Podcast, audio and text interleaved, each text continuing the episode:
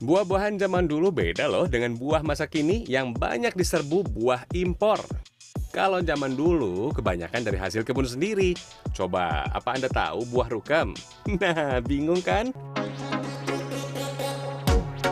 Asyiknya, saya diizinkan pemilik pohon untuk memetik langsung buah rukam. Buah rukam ukurannya kecil, diameternya cuma 2 hingga 2,5 cm. Rasanya manis, sepat, dan sedikit asam.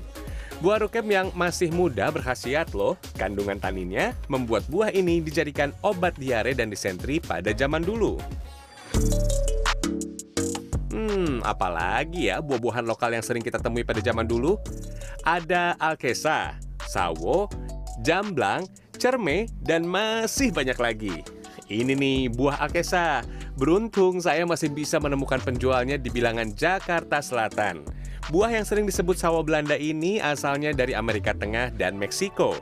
Teksturnya mirip perpaduan ubi, labu, dan sawo dengan rasa yang manis.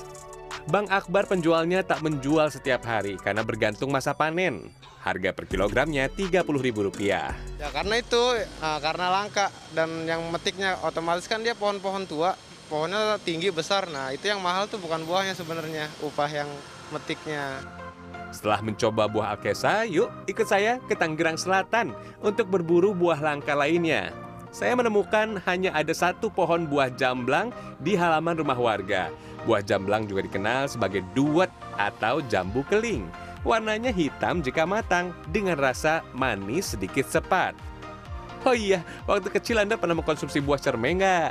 Kebetulan banget, di sini ada pohonnya loh buah cermai sering diolah menjadi manisan yang harganya dapat mencapai Rp60.000 per kilogram. Nah, ini bentuk buahnya seperti ini. Kecil, berwarna uh, hijau segar. Ya. Buah cermai namanya ini. Tapi saya mau coba penasaran mau coba dulu rasanya gimana. Saya bersihkan dulu. Bismillahirrahmanirrahim.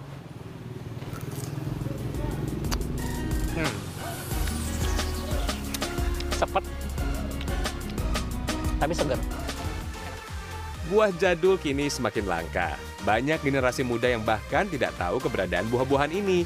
Apa ya penyebabnya? Kita sebut buah langka karena memang eh, ketersediaan produknya sudah di apa di pasar sudah nggak ada. Kenapa ini terjadi? Dia menjadi langka. Yang jelas eh, secara ekonomi kurang menguntungkan. Duh, jadi kangen masa kecil ya. Buah-buahan inilah yang dulu mewarnai aktivitas kanak-kanak kita. Semoga keberadaannya masih bisa dipertahankan ya. Raff Raff Kaffi, Fajar Ahmad, Jakarta.